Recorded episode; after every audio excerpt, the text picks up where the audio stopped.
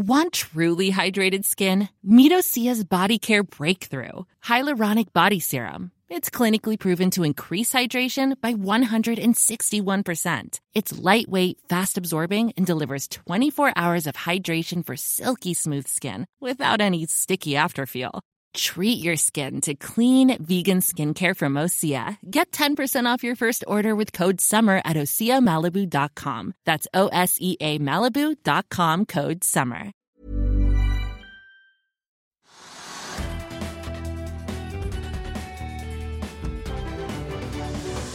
Hei velkommen til Økonominyhetene. I dag skal vi ha teknisk analyse av Akastor, men vi begynner på Oslo Børs, Trygve.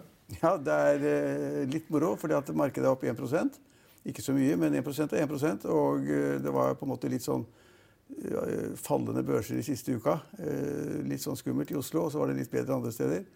Men i dag er vi opp eh, 1 og det skyldes da for så vidt litt sånn gøy i noen få aksjer. Er, vi kan ta Solon Eiendom først, som er et sånn eiendomsselskap etablert av finansfolk. og skulle inn på et bestemt segment i markedet og bygge litt utenfor byen og sånn, og med være alt mulig nærmest fra villaer til små blokker osv. Uh, og der kom det melding da i dag tidlig, det som er poenget da, at uh, disse som da nå hovedaksjonærer, de sa det at de lurte på om de skulle selge seg ut eller fusjonere seg med andre. Og det ga en liten boost i aksjen, for da tenkte folk at det er bra, og aksjen har falt i år. Uh, og administrerende direktør, som er en veldig flink jurist, har gått av som administrerende direktør. Det er ikke bra. Eh, og aksjen har vært da opp rundt 12 i dag. Så det, det, det kan tenkes at det er helt feil. At, de da, at det ikke blir noen fusjon, at det ikke blir noe oppkjøp av andre, eller det blir ingenting. og så det, det, løper ut i sanden. Det kan godt tenkes. Sånn er det ofte. Men her var det liksom de mest profesjonelle gutta i gaten i gamet som da har kjøpt seg opp i selskapet og kontrollerer selskapet. Eh, Det er to, to stykker som eier rundt noen og 20 hver. Eh, Og, og mange av de ansatte er også som aksjonærer. Og han som gikk av som administrerende, Beck, han eh, har også da aksjer og aksjeopsjoner. så det vil være veldig rart om det ikke er noe substans i den meldingen, og derfor at det er noe hold i at aksjen skulle gå i dag. Og så klarte de også å si det at det er merverdier i selskapet som ikke fremkommer i aksjekursen i dag. Ja, og det, det blir litt krampaktig når du, sier, når du sier det. Markedet skal kunne klare det, og de skal også kunne tolke da kvartals, kvartalsmeldingene. Men det ser ut som de på en måte har kommet litt på ett, nå skal ikke jeg ta en analyse her nå, men de har kommet litt på etterskudd med hva de selv hadde forventet og ønsket seg.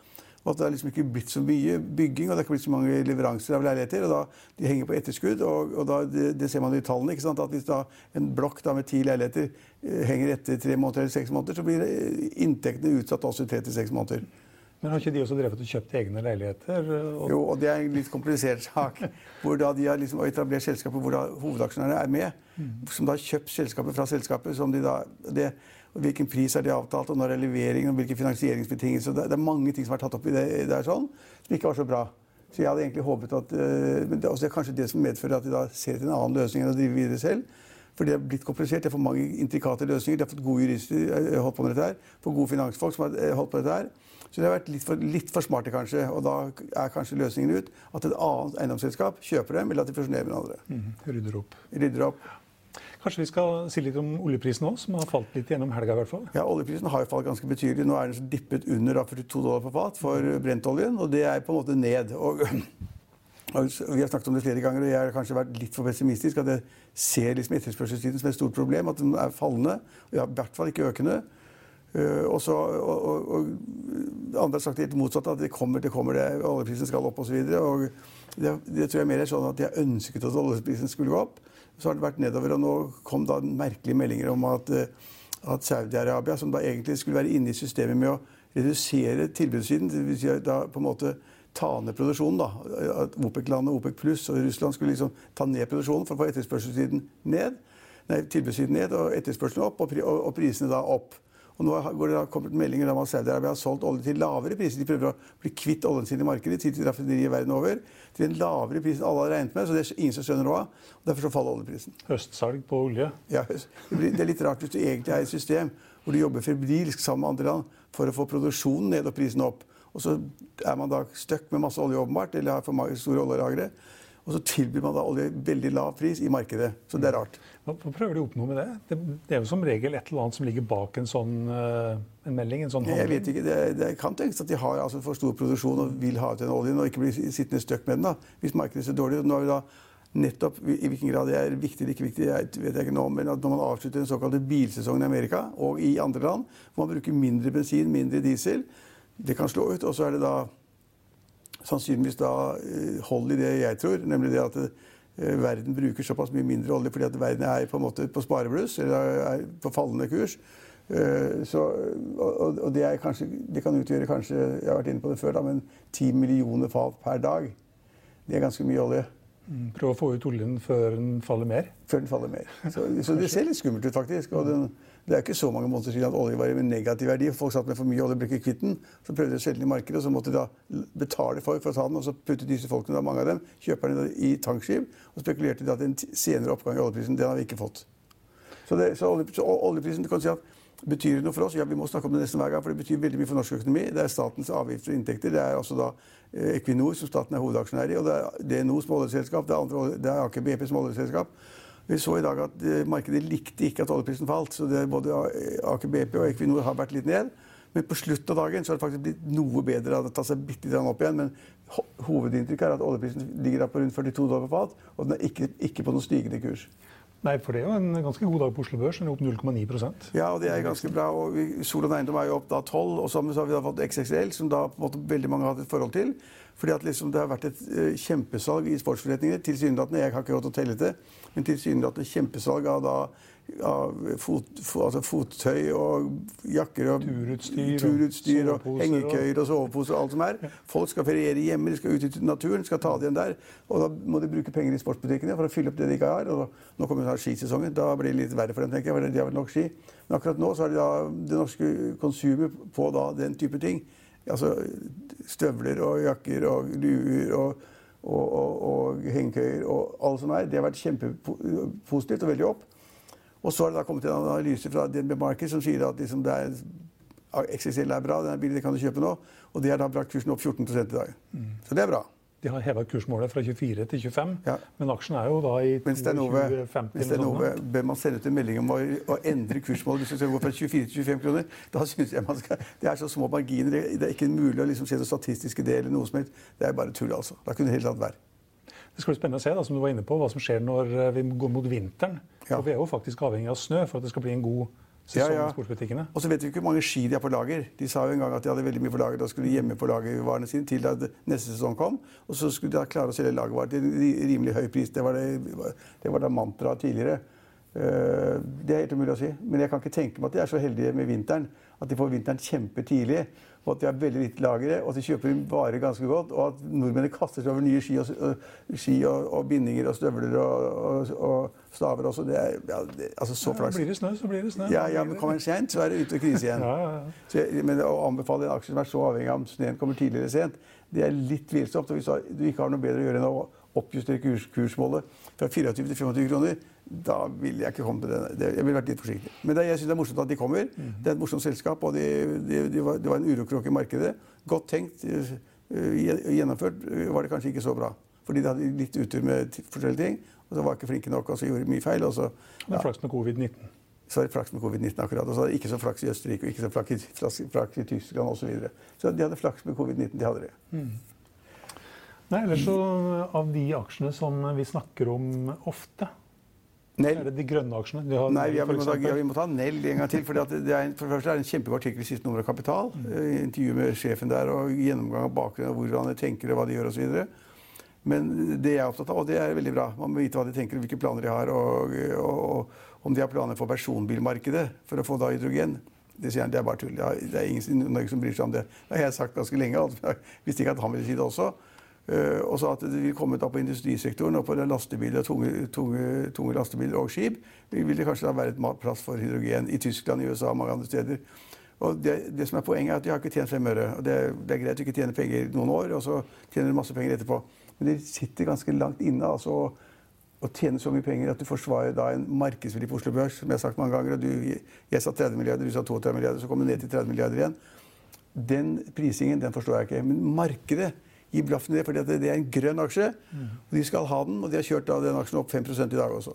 Ja, faktisk 6% ja. Så da er den over 30 milliarder igjen, som du er inne på. ja. ja. Eh, vi kan også i den sammen... Bare, bare, det er jo liksom så Seerne våre skjønner det. Det er klart at 30 eller 40 eller 35 spiller noen rolle. Nei, men det har noe å si at for, da, Du må se på inntjeningen. Hvis, hvis, du tjener 2 milliarder i året eller 3 milliarder kroner i året, så kan du godt pri, prises til 30 eller 40 milliarder kroner. Men hvis du tjener null, så blir det vanskelig å få til en multiple på null for å få til å bli 30. Det går ikke. Og så lurer jeg liksom også litt på hvor vanskelig er det å kopiere dem? Ja, Det er et godt spørsmål. Det, jeg kan ikke tenke meg at det er så veldig vanskelig, men det er en veldig kostbar prosess. Når man da liksom skal få drivstoff ut av, av eh, vann, holdt jeg på å si. Eh, og, og, eh, det krever enorme mengder energi. Så det er ikke så lett. Jeg tror det der er altså, Det er en sånn hype. Men vi, vi liker den i Norge. Børsen syns det er kjempefint. Visstnok er det tyske aksjonærer som syns det er kjempefint. Og visstnok er det da folk i USA som syns det er veldig fint. Men i USA er det ikke bevist. It's not proven. Det er noen som har sagt har en idé om at vi skal bli verdens største produsenter av lastebiler med da hydrogendrift. That, that remains to be seen. Mm. Så leste jeg en artikkel på finansavisen.no i dag om en ny hydrogenbil, sportsbil, Hyperion, som eh, kan gå 1600 km på fem minutter fylling. Den er ikke laga ennå, da. Nei. Men det kan bli morsomt. Og så morsomt med Quantafuel. da. Stiger, Stiger den i dag også? 13% i dag. Bra for Kjetil Bøhn, det. Vår tidligere journalist. Det er veldig bra. Jeg, jeg, da bare jeg gjenta meg selv. For eh, det vet vi ikke noe om. altså Mindre om NL i og for seg. For det er en idé om å bygge fabrikker og la, på en måte da lage ny, nye plastposer av gamle plastposer. Og lage da olje av eh, plast. Og det kan godt hende at det går. Jeg vet ikke produksjonskostnadene. Jeg vet ikke kostnadene ved å etablere fabrikkene. Én, to eller tre. Og så da kostnadene ved å hente inn all den plasten, og så bearbeide den og smelte den eller blåse den opp, eller hva du gjør, for at det skal bli rennende olje av det, det, det, er et ganske langsiktig perspektiv. Men foran til så er det fantastisk morsomt. Og markedet betaler veldig mye for at nå er vi helt kring gærne i Norge på grønne selskaper som vi skal lete etter. Og, og vi hadde en artikkel i dag i Finansavisen også som var interessant. Det var da hvilke investorer i Norge av de store gutta som er da inne i de forskjellige grønne sektorene. Den er ganske lurt å lese. Mm. kan man se hva de beste i landet, de som har tjent mest penger i aksjemarkedet, hva de kjøper av grønne aksjer akkurat nå, hvor de sitter. Og de som er interessert i hva en av alpinistene gjør, Lasse Kjus, kan også finne ut det ved å lese denne artikkelen. Ja. Han hadde aksjer for to millioner i et av selskapene. Ja, Men det er mange selskaper, da. Flere man kanskje kunne tro. Ja. Det er jo litt morsomt, som du er inne på. Altså, I april så var selskapet verdsatt til 1,5 milliarder.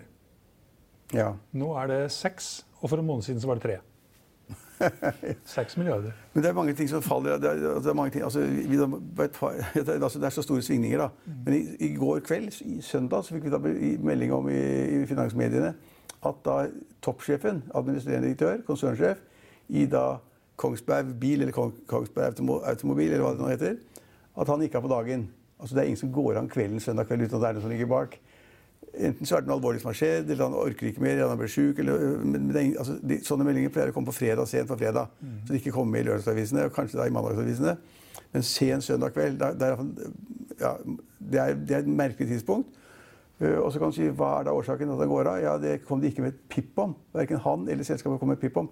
Men det vi vet, det er at aksjekursen det siste året når det var, hvis vi går tilbake, har falt over 80% Så verdiene fra aksjonærene er liksom blitt borte i løpet av året. Og det har toppledelsen noe med å gjøre. Og så hadde de en helt latterlig emisjon. Hvis du går noen måneder tilbake, husker jeg ikke akkurat når det var, men det var de, de, trengte penger veldig fort. Og så hadde de en emisjon til ti øre stykket. Sånn, og der var Øystein Straffespitalen og, og Arne Bystad også var med. Arne, Arne Fredli. Arne Fredli, ja, Arne, Arne Fredli var med. Det var flere òg, men i hvert fall de to. Men de var der liksom, i noen dager eller uker, så var de ute igjen. Ingen skjønte noen ting. Mm. Hvorfor var de der? For å gi et signal, for å skaffe litt penger? Vet ikke, ingen vet noen ting. Men de var inne og gikk ut igjen. Og de som sa at de kommer til å gå ut igjen på flyvende flekken, de fikk rett. Og, og da, når selskapet mister toppsjefen, så er det noe alvorlig galt i selskapet. Og, og kursen, altså, kursnedgang på over 80 er ganske drøy, altså. Mm. Og når man hører om Kongsberg Bil, så tenker man jo på verdens mest solide ting. Men det som ligger bak, underliggende tror jeg da ikke analysert det, det er jo det at de produserer da eh, støtfangere og andre ting til biler. Til bilindustrien. Mm. Og hva er det med bilindustrien? De selger jo halvparten av det de gjorde før. På samme måte som det er mindre behov for da, bilbåter, altså bilferger eller hva det måtte være. De som da sender biler fra Amerika til, til, til Kina, eller fra Kina til Europa, eller hva det måtte være, eller fra Europa til USA. Behovet for biltransport er langt mindre enn før. Så de rederiene som har satset på det, det går veldig dårlig. På samme måte hvis jeg produserer eh, altså støtfangere eller noe annet til biler. Jeg vet ikke akkurat hele produksjonspaletten, ja. men det blir mindre salg av det, så det er noe alvorlig galt der. eh, galt. Det var vel ikke helt overraskende at SAS la fram litt dårlige trafikktall? Nei, Nei ja, det syns jeg, nesten synd på dem. Jo de var jo også over 80 ned. da. ja, ja, det nesten at det var mer, at det var over 80, men det var liksom minus 74% i forhold til Ja, så det, det, er, det er helt skrekkelig tall. Men det er ikke noe nytt. Dette vet vi jo. Flyene går jo ikke, de står på bakken. De står, både SAS-flyene og Norwegian-flyene står på bakken. det er, Så det er helt katastrofalt. Og SAS må ha Norwegian har jo innrømmet at de trenger mer penger før jul eller rett over jul. Eh, og SAS har også da innrømmet at de trenger penger, men de har klart å få med seg den danske og svenske regjeringen på dette her. Og fått mye penger allerede. Og så ber de om mer penger fra regjeringen for å klare seg. Uh, og, og, og jeg, Det er ikke noe å kritisere dem. Altså, uh, Covid-19 har på en måte skapt et helt nytt trafikkbilde. Folk reiser ikke. For det første får man ikke lov til å reise utenlands. eller Man gidder jo ikke å reise til, Frank til, Frankrike eller Spania eller Italia. Hvis du når du kommer tilbake, må sitte ti dager i karantene, så de er borte. Alle reiseselskapene som Ving og de store som har liksom pøst turister rundt om i hele middelhavsområdet. Det er ikke en eneste gjest der. Uh, og folk, Du og jeg og andre som er i business, vi reiser mindre. Vi, også, vi har videokonferanser, og forretningsdelen er også ned. Så dette, dette, visste vi på forhånd. Det er bare en bekreftelse på at det er krise. Den er stor, og den kommer ikke til å bli løst på, altså langt inn i fremtiden. Mm. Men de sier at nå har de planer om å begynne å trappe opp litt. Ta innenlandstrafikken i Sverige og Danmark først. Og så begynner de å se på de ja, de, de, må, de, er heldige som da på en måte har en innenlandstrafikk. Mm. Det er eh, noen flyselskaper i andre land som nesten ikke har innenlandstrafikk i det hele tatt. Som bare er avhengig av lang, langdistansereiser osv. De er helt ute å kjøre. Men, men altså, bygge opp innenlandstrafikken i Norge ja, altså, Det er så mye du, liksom, du, har kanskje 20 fly da, i drift, da, og så går det opp til 23 fly. Og så kanskje om et år så har du 10 fly mer, men så har du 150 på bakken. Altså, Hva gjør du da? Det, er, altså, det, det er mye Jeg har forresten venta at de hadde litt høyere belegg. Det er liksom halvfulle fly. Ja, fortsatt. fortsatt. Men de har litt høyere priser. Mm. Fordi at de har halvfulle fly og har tatt bort noen rader og sånn, så får de høyere belegg og får en bedre yield. Så de får bedre inntjening på det lille de gjør. Men det lille de gjør, er altså 80-90% mindre enn det de gjorde på samme tid i fjor. Mm. Og det å drive en business som er så, det er jo så utsatt så det er jo altså det er, det, det er ingenting å klandre dem for. for vi Går bare tilbake et, tilbake et år, så var flyindustrien booming. Alle folk skulle reise til utlandet.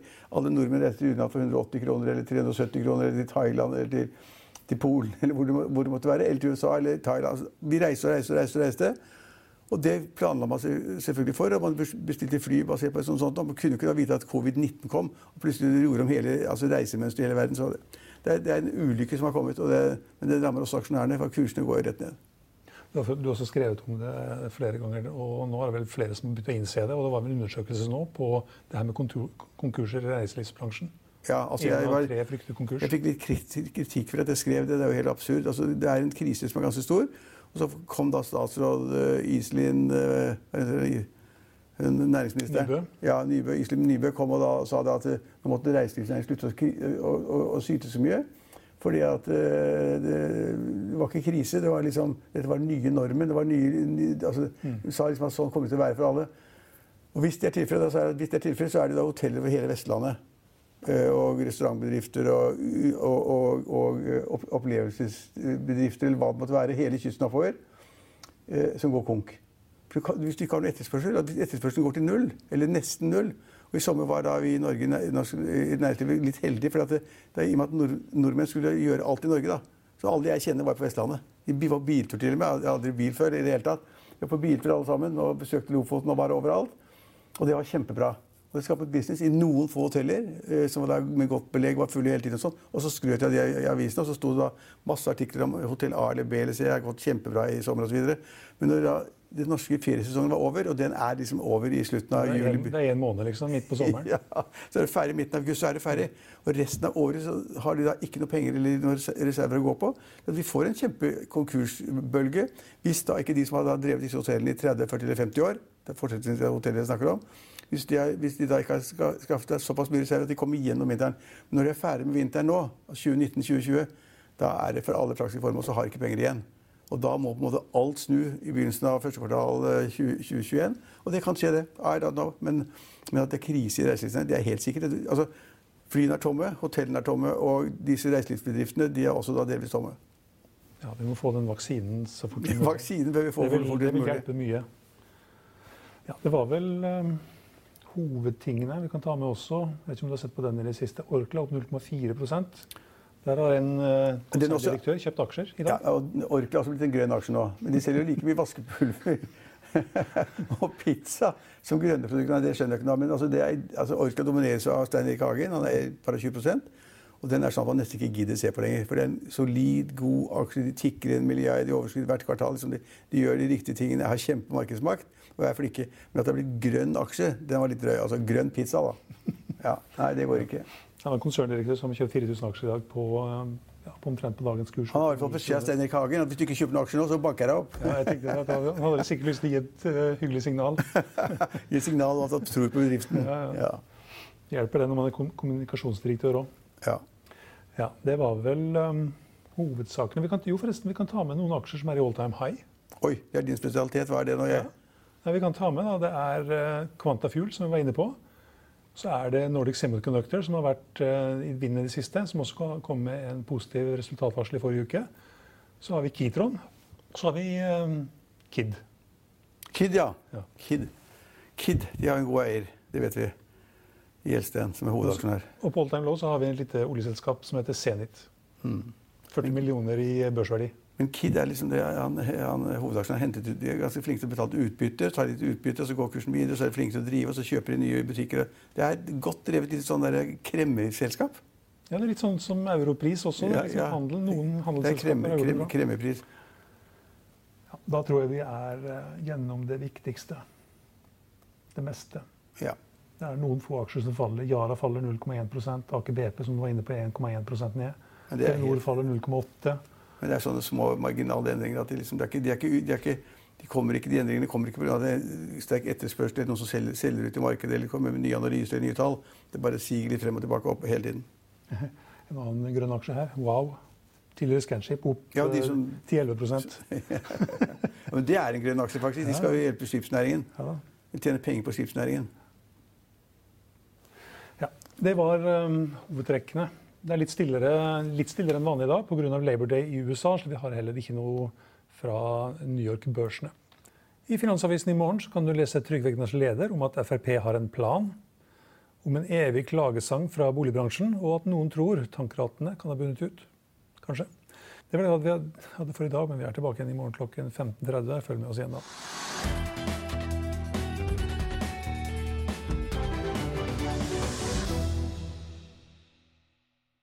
Økonominyhetene er en podkast fra Finansavisen. Programledere er Marius Lorentzen, Stein Ove Haugen og Benedikte Storm Bamvik. Produsenter er Lars Brenden Skram og Bashar Johar. Og ansvarlig redaktør er Trygve Hegnar.